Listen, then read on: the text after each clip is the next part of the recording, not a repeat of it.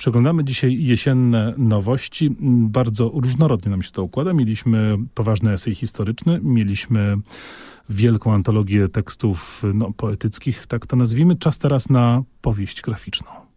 Powieść graficzną, niestety, no taką, która pogłębi tylko naszą jesienną zadumę i jesienną depresję, ale nie zawsze jest lekko, łatwo i przyjemnie. Kwaśne jabłko, komiks napisany przez Jerzego Szyłaka. Bardzo a, znanego teoretyka i praktyka komiksu. Tak, a narysowany, chociaż to może złe słowo, namalowany, bo to taki bardzo malarski, jest komiks przez e, Joannę Karpowicz. Coraz bardziej znaną praktyczkę komiksu. Tak. Komiks nazywa się Kwaśne jabłko i jak pewnie część z Państwa może się domyślić, dotyczy przemocy domowej. Bardzo to jest e, wstrząsająca rzecz. E, myślę, że też scenariusz Szyłaka, który jest w sumie dość prosty, czyli zaczyna się od jakiejś tam drobnej e, utarczki, aczkolwiek bardzo nieprzyjemnej, podlanej alkoholem, a kończy się po prostu permanentną przemocą domową. I jest tu kilka zwrotów, chciałoby się powiedzieć, czy takich rzeczywiście niespodziewanych rzeczy, które się dzieją, bardzo, bardzo mocnych. W drugiej połowie tej powieści graficznej z wstrząsającą absolutnie ostatnią planszą, która robi piorunujące wrażenie.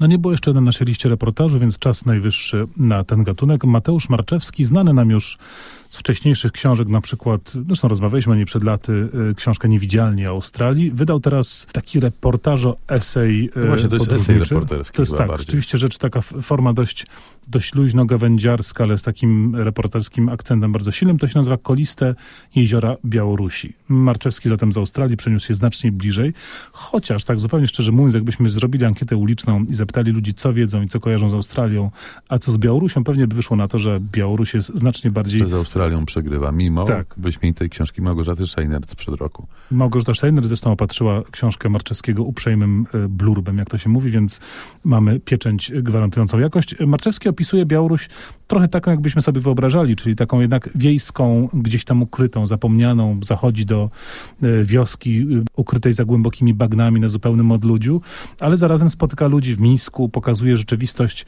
polityczną, społeczną, tę dzisiejszą, tylko jakby nie od strony nagłówków gazet i tego takiego bardziej e, e, doczesnego, codziennego raportowania o sytuacji na Białorusi, tylko tego, jak tam ludzie żyją. Następne na naszej liście jest nie Białoruś, a Suwalszczyzna, bo to na Suwalszczyznę zabiera nas Michał Witkowski w swojej mm, najnowszej powieści, by później e, udać i zabrać nas w e, inne e, rejony.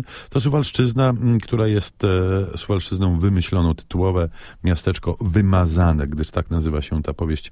Nie istnieje ponad wszelką wątpliwość, ale przypomina znajome e, suwalskie miasteczka i miejscowości. To jest Polska B, Polska C, trudno powiedzieć jaka e, Polska opisywana już wielokrotnie od roku 89 przez różnych autorów. Silny nurt jest oczywiście. Natomiast Witkowski to robi inaczej, robi to e, po swojemu ze swadem, no i z tym takim ala Gombrowiczowskim mm, stylem który jest w tej książce trochę, e, trochę inny, wprowadza nas w taki e, mikroświat e, z kolei przypominający Faulknera e, momentami, acz rzeczywiście pachnący, czy wręcz śmierdzący przaśnością polskiej m, prowincji.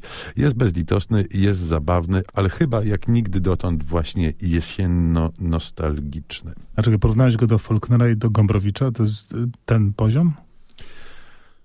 No to może ocenę zostawmy czytelnikom, e, w zależności od tego, jaki mamy stosunek do Faulknera czy do e, Gombrowicza. Michał Witkowski na pewno gdzieś się obok nich widzi, tak myślę. Ktoś się wykręcił szuwarami. Skoro Suwalszczyzna jest tak naprawdę taką polską wersją Finlandii, to może teraz posłuchamy Sibeliusa i jego Wals Trist.